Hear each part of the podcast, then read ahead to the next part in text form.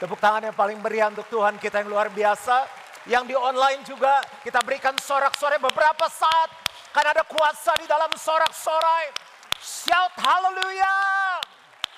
Bapak yang baik bicara bagi kami karena kami siap untuk mendengar dan melakukannya. Kami sambut firman-Mu di dalam satu nama, nama yang berkuasa yaitu nama Yesus. Dan siap kita yang percaya sama-sama katakan, Amin. Silakan duduk. Happy Sunday, salam sejahtera untuk kita semua yang ada di on-site dan di online juga yang ada di overflow. Kita akan kembali belajar tentang iman. Nah, iman itu jarang sekali diperbincangkan. Coba perhatikan dalam dua tahun terakhir, satu tahun terakhir, satu bulan terakhir, di rumah kita, di kantor, dalam pertemuan kita jarang sekali keluar kata iman atau kepercaya. Paling yang sering kita dengar beberapa kali adalah gini, lu imanin dong.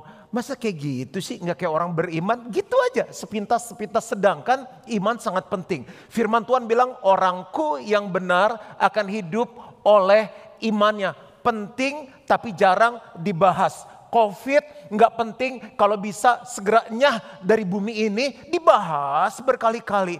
Sehingga apa yang kita dengar itu menimbulkan ketakutan. Sedangkan kalau kita dengar iman, firman yang timbul adalah percaya. Ada sebuah kebangkitan yang terjadi.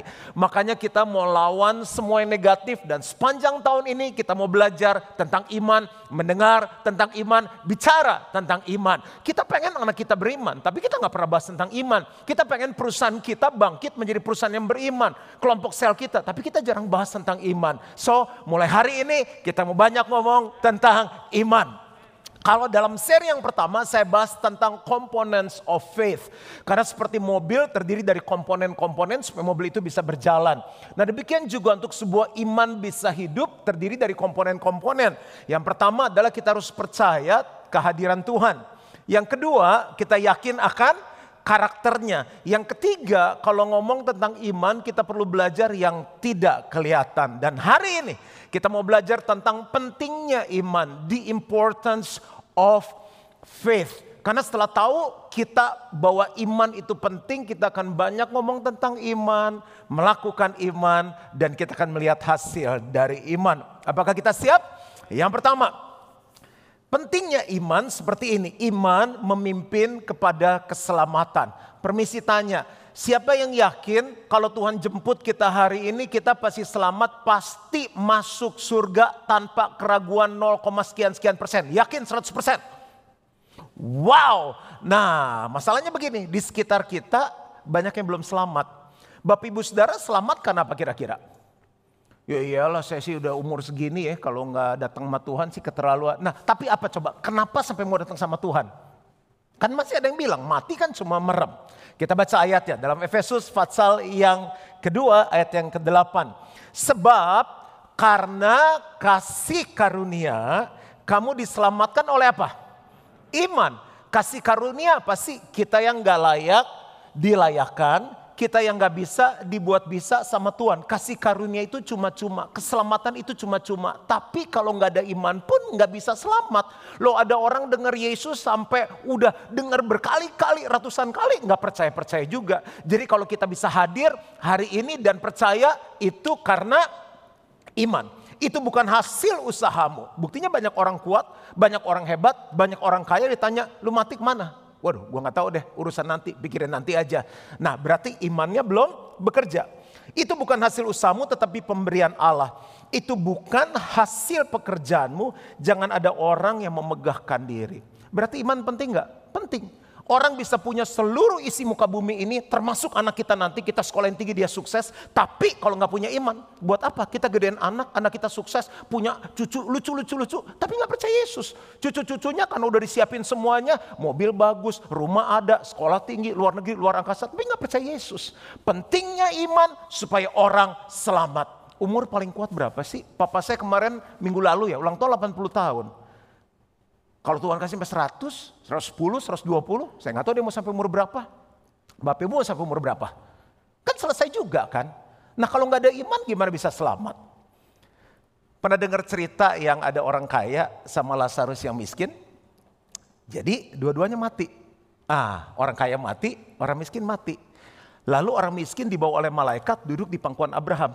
Eh ini cerita ada ya di Lukas 16. Sementara yang orang kaya itu, ini nggak semua orang kaya. Ini kan konteksnya karena belum percaya Yesus. Jadi orang kaya itu menderita sengsara. Dan di tengah nyala api dia kesakitan, dia lihat ke atas. Loh si Lazarus tuh yang miskin lagi dipangku sama Abraham. Dia bilang gini sama Bapak Abraham. Bapak tolong dong suruh si Lazarus ambil ujung jarinya, celupin ke air, taruh ke lidah aku karena aku sangat kesakitan. Terus ngobrol-ngobrol-ngobrol, Bapak Abraham bilang begini, nggak bisa, karena kami nggak bisa pergi ke kamu, kamu nggak bisa pergi ke kami. Ada jurang yang sangat dalam yang tidak terseberangi. Nah putus asa juga dia.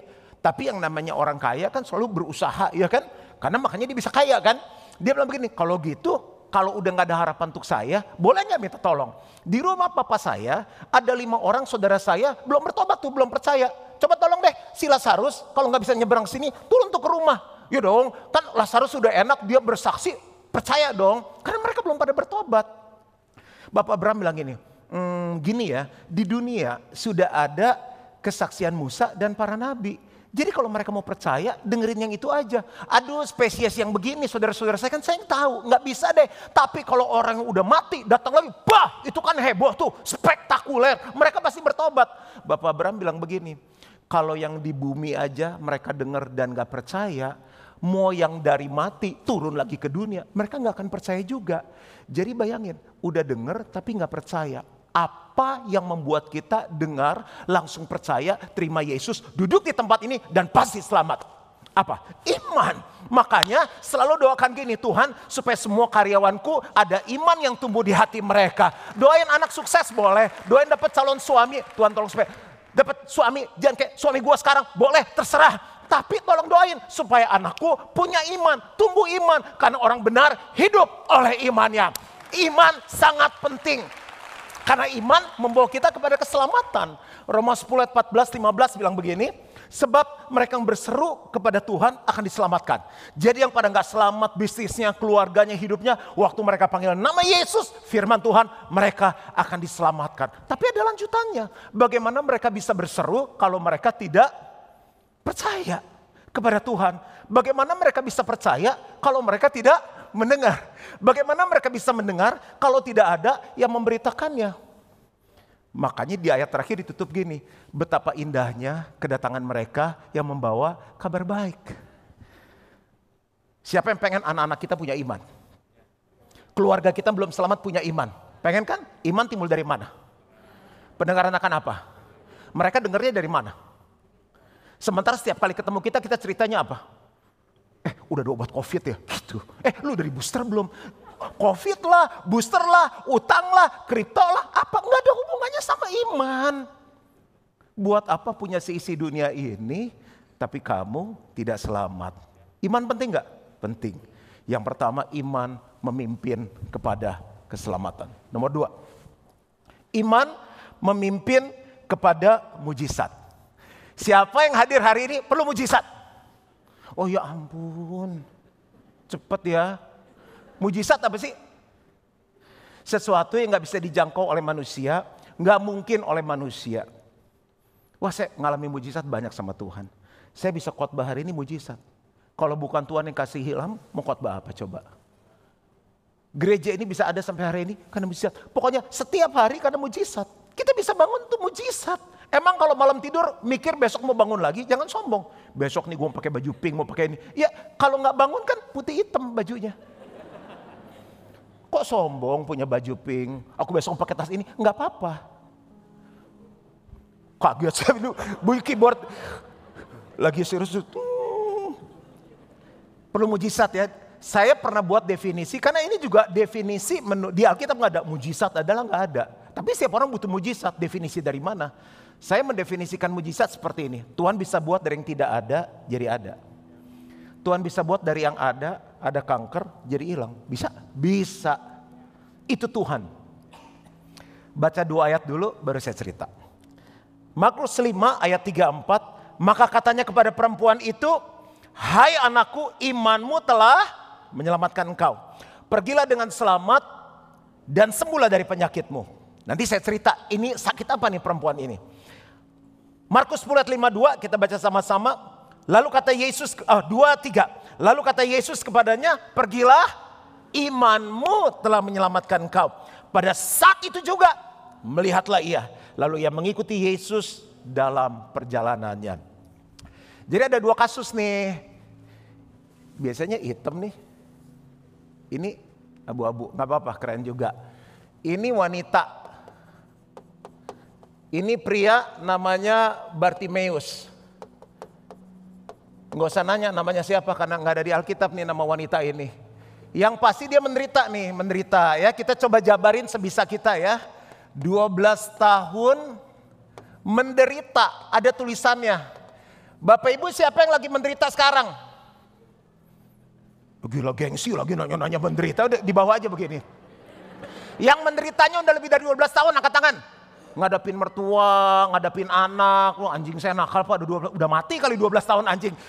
Ngadapin bisnis, udah lebih dari 12 tahun, udah saya percaya udah angkat tangan semua. Jadi maksudnya kalau belum 12 tahun masih ada harapan. Dari tepuk tangannya saya udah tahu siapa yang menderita. Kalau masih belum 12 tahun, masih ada harapan. Baru 1,2 tahun kan. Makanya puji Tuhan deh datang ke Gilgal hari ini. Yang di onsite juga tepuk tangan nanti biar tahu level penderitaannya. 12 tahun menderita, menderitanya apa? Pendarahan. Pendarahan 12 tahun. Lama loh 12 tahun tuh. Setahun 12 bulan, Berarti 12 tahun berapa? 144 bulan. Satu bulan 30 hari. 144 kali 30. Banyak loh itu. Ribuan hari loh. Pendarahan, pendarahan, pendarahan. Berikutnya adalah dia sudah coba berbagai cara. Berarti apa ya? Usaha terbatas. Berulang-ulang. Apalagi yang kitab tulis. Ke berbagai dokter Wah berarti dia pinter juga nih. Oh orang kalau pinter sakit stres. Nggak pinter aja sakit stres kok. Berbagai tabib. Berarti dia bukan orang yang males nggak berusaha tapi mentok. Apalagi? Uangnya habis. Oh ini mungkin lebih hidup nih topiknya. Belum pernah ngalamin habis uang ya?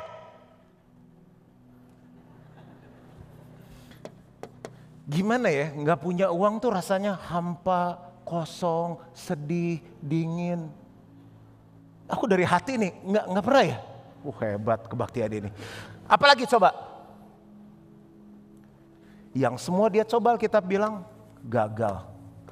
12 tahun gagal lama loh om. Lama loh 12 tahun. Tapi dia dengar tentang Yesus. Lalu dia bilang gini, nggak ada seminar, nggak ada new life, nggak ada kebaktian gimana ya caranya ya? Tapi kata Yesus tuh hebat. Yesus bisa buat mujizat. Waktu dia dengar iman timbul.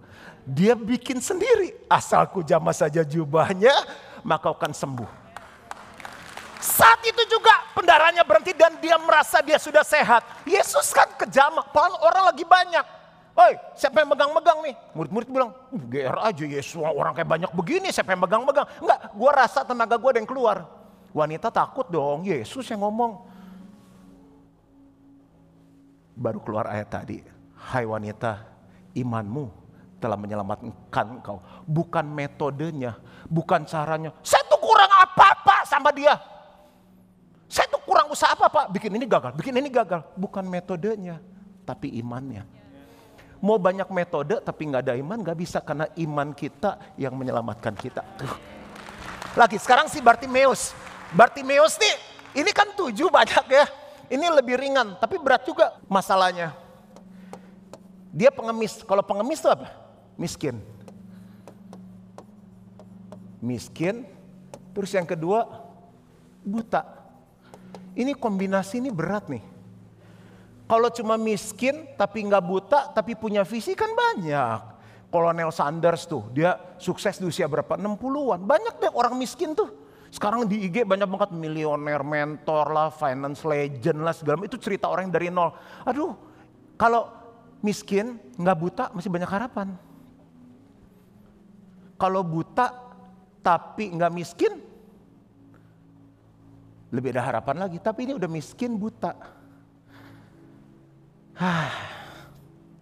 Dia duduk ngemis, denger tentang Yesus. Hah, Yesus bisa nyembuhin. Yesus bisa nolong orang. Yesus datang. Yang dia dengar tentang Yesus, orangnya datang. Dia bukan hanya berseru. Di bahasa Inggris saya bilang ini, He cried out to God. Yesus, anak Daud, kasihanilah aku. Itu rombongan Yesus kan rame. Tahu nggak disuruh apa? Yesus datang untuk apa? Menyembuhkan, menyelamatkan. Orang butuh Yesus disuruh diem. Diem loh, shut up, cicing sia. Segala itu kan banyak orang. Kenapa? Karena orang bilang, lu nggak ada harapan. Udah miskin, buta. Udah buta, miskin. Nggak ada harapan. Timnya Yesus aja lihat, moyong. Nggak ada harapan. Tapi Yesus berhenti, karena dia nggak berhenti berseru. Siapa yang udah mulai berhenti berseru? Tetap berseru dalam nama Yesus. Yesus, anak Daud, kasihanilah aku. Dua, tiga, sama-sama. Yesus, anak Daud, kasihanilah aku. Yesus berhenti loh. Nggak ada yang bisa menghalangi kita kalau Yesus mau berhenti dan tolong hidup kita. Dia bilang gini, Us, berarti Meus kan namanya, Us. Apa yang kamu mau aku buat bagimu. Aduh ini kalimat. Apa yang kamu mau aku buat bagimu. Listen church, yang di online, yang di overflow. Yesus lagi nanya, apa yang aku mau buat untuk hidupmu? Jawab masing-masing. Rabuni aku supaya aku bisa melihat. Saat itu ayat yang kita baca, melihatlah dia, dia bangkit berdiri dan mengikut Yesus. Nggak tunggu waktu om, nggak tunggu tante, itu mujizat. Ada yang via proses, ada yang mujizat. Berapa banyak yang perlu Yesus, perlu mujizat. Ku percaya mujizat. Nyanyi sama-sama kulihat yang telah bebas Sungguh ajaib diubahkan yang ditebus Tuhan. Sing it church. Bunga bakung yang berkembang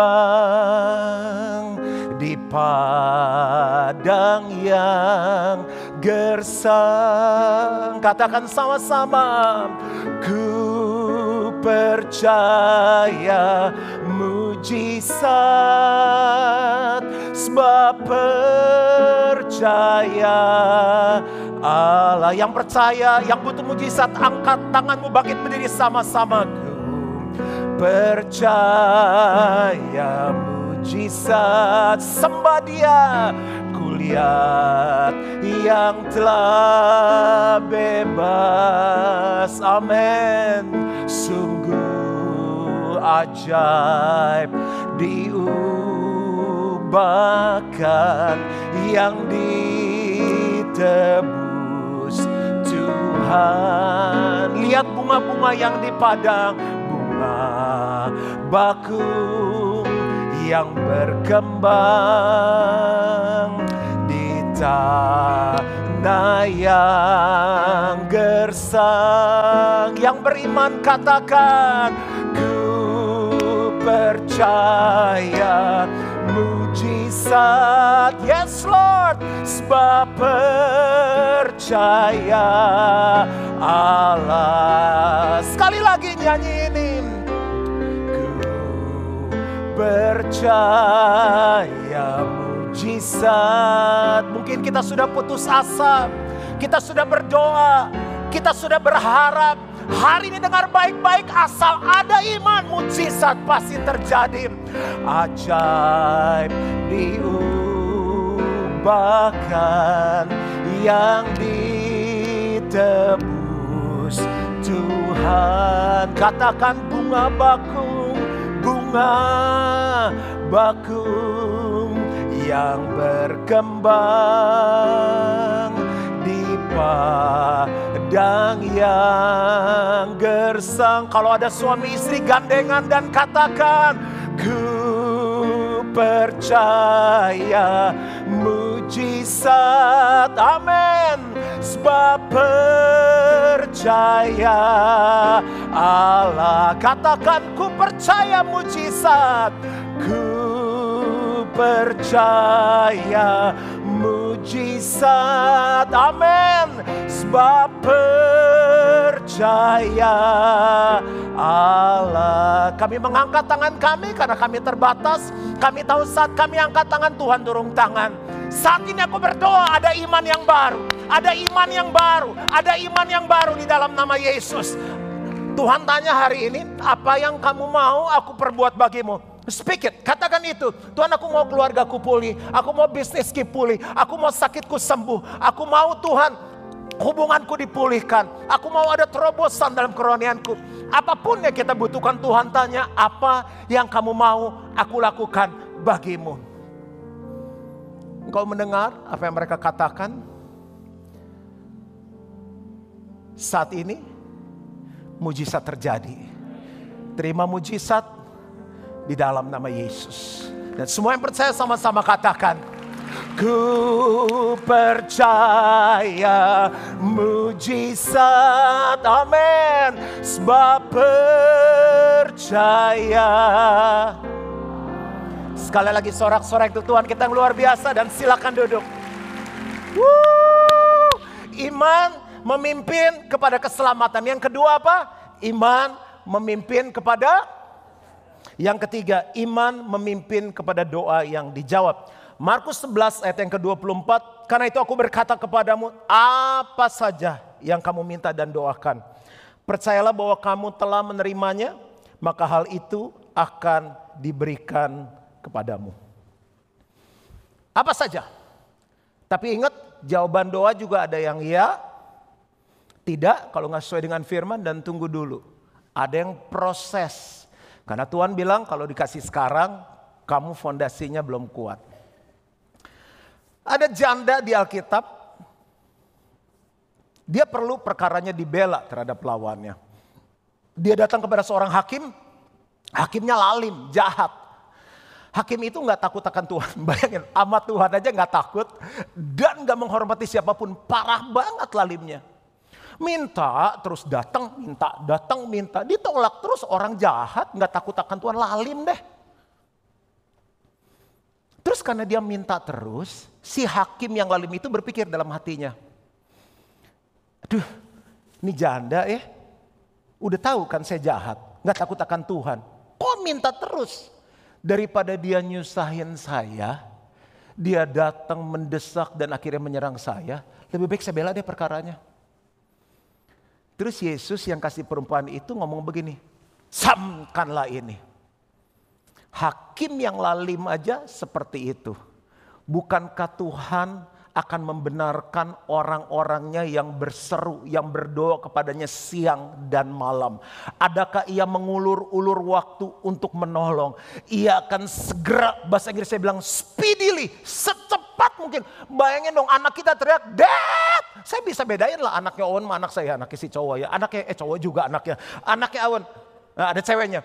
Valerie teriak, Dad! Sama Carissa beda, intonasi beda, tinggi beda, falesnya beda. Apa yang saya buat kalau teriaknya udah gini, Dad! Lari. Kalau nggak digigit kucing, tikus, kesetua itu udah Dad! Masalah kita gini, doa juga nggak dijawab ya. Udahlah, ngapain doa-doa lagi? Ah, ah ini nih, iman udah hilang tuh. Orang yang masih berdoa, orang masih punya iman. Orang yang kurang berdoa berarti imannya apa? Dan kalau yang saya jawab marah lagi. Makanya saya sifatnya pertanyaan. Kalau udah kurang berdoa imannya? Kalau udah tidak berdoa imannya?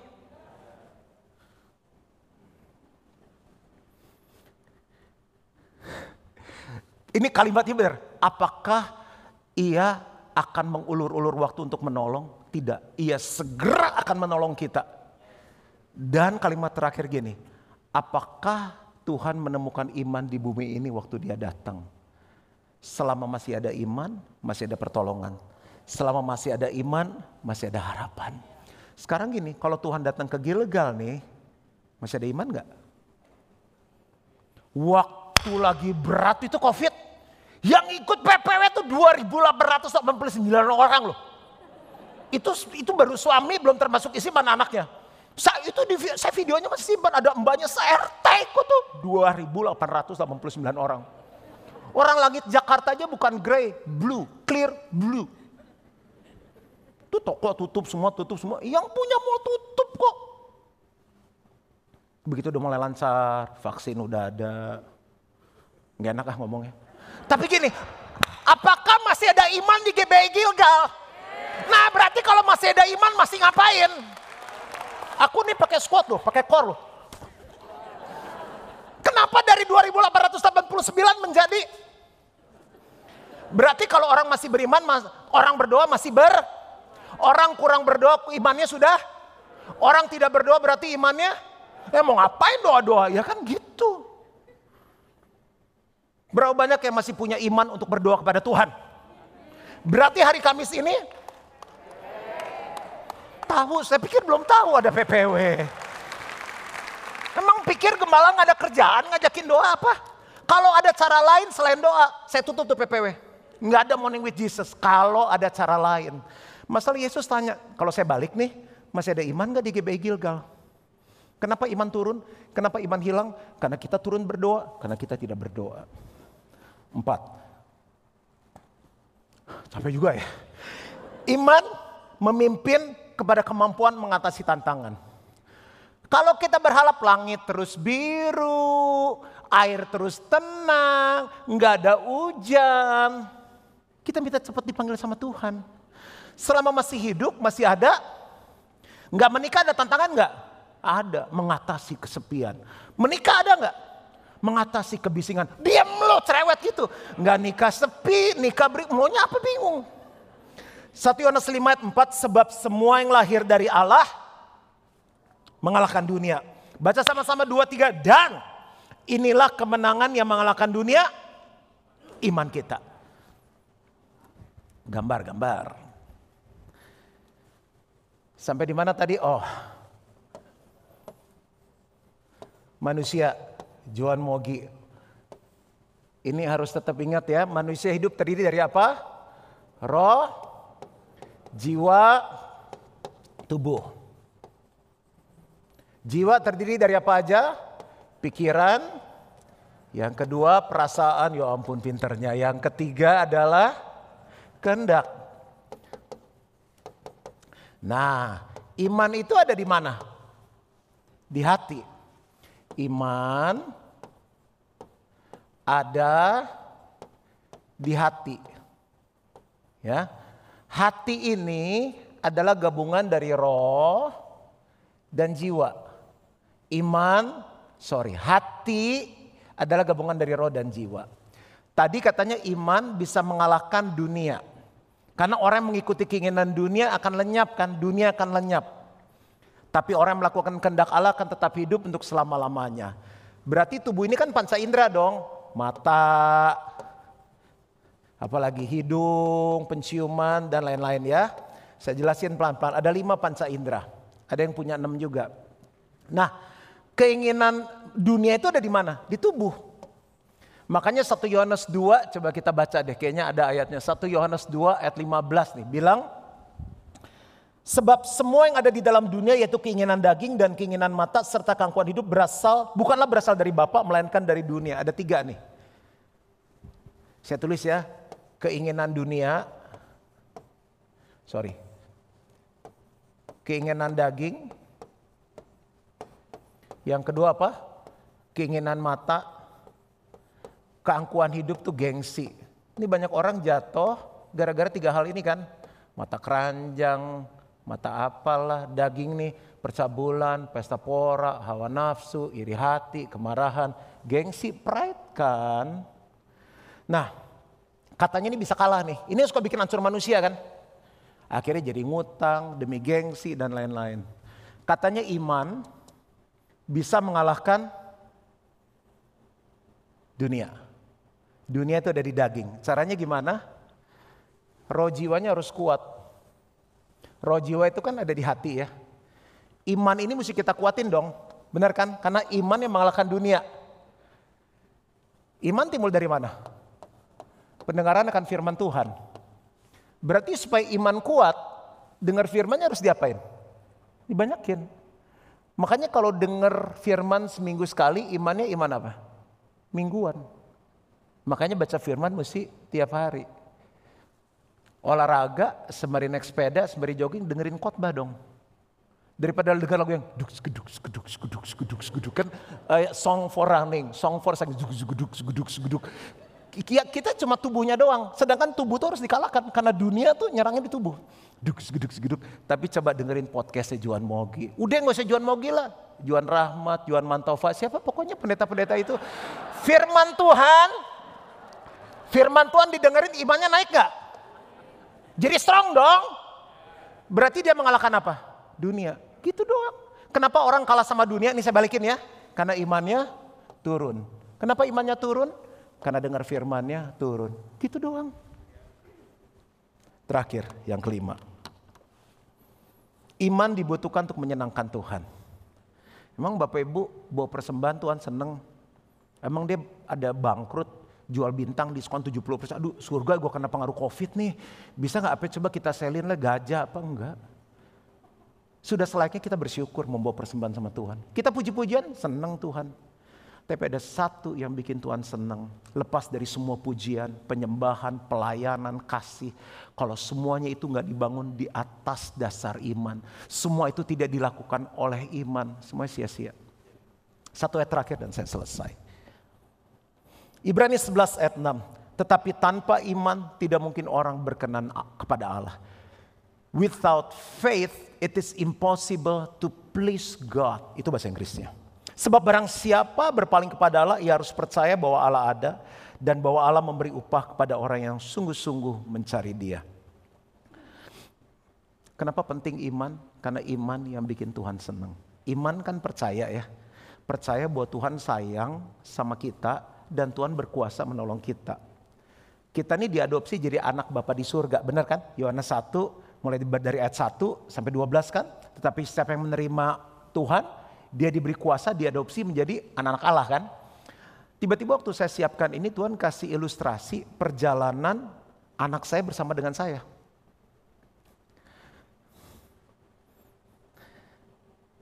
Saya senang banget sebagai orang tua kalau apa yang saya ngomong anak-anak saya itu percaya. Cak banyak makan sayur. Cak makan buah. Makanya kenapa anak saya bertumbuh sempurna. Semua dia makan. Dari kecilnya salad digadoin. Sayuran mentah, teman-temannya bingung. Ci, anaknya kenapa ya sayuran mentah dimakan? Oh udah ini jelas turunannya. Woku makanan Manado disikat sama dia. Saya punya beberapa video dia makan padang sama makanan Manado. Diaduk pakai nasi. Oh, dia eh, pakai tangannya. Semua yang kita ngomong dia percaya, seneng. Dah ya, saya nggak pernah lihat dia lagi duduk di atas genteng nangis. Cak, kenapa di atas gentengnya? Besok ada makan nggak dia ya? Karena dia percaya, dia punya iman, papanya pasti kasih dia makan. Yang ada tau gak apa? Kalau lagi tidur gini, aduh mam besok makan nasi Hainam enak juga ya. Dia eh lagi ngide makan Korea ini ya. Tuh, itu bagi saya senang. Berarti dia percaya nih bapaknya sayang, bapaknya sanggup. Kita suka hidup kayak orang nggak punya Tuhan, nggak punya iman. Kuatirnya lebih gede. Dah, tentang sekolah kan. Saya beberapa kesempatan main dong, jadi agak enak nih suasananya.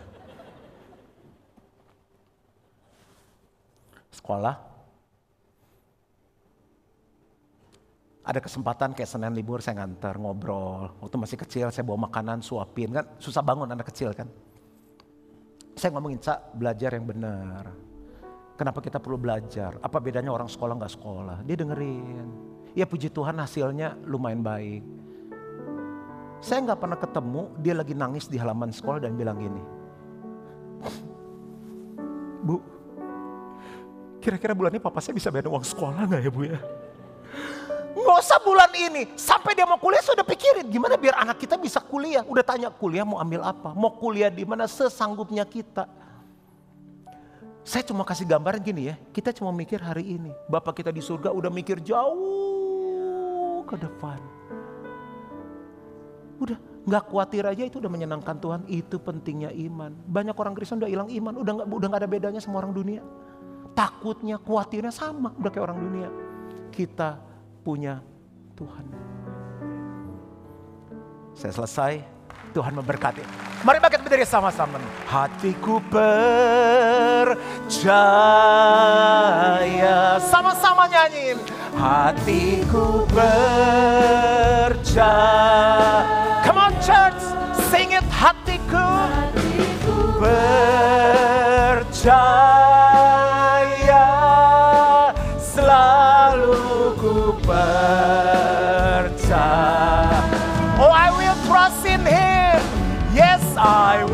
trust in. Yang percaya Tuhan angkat kedua tanganmu dan katakan, Yes, I will trust. No matter happen, whatever the situation is, apa pun keadaan kita, trust in you. My heart will trust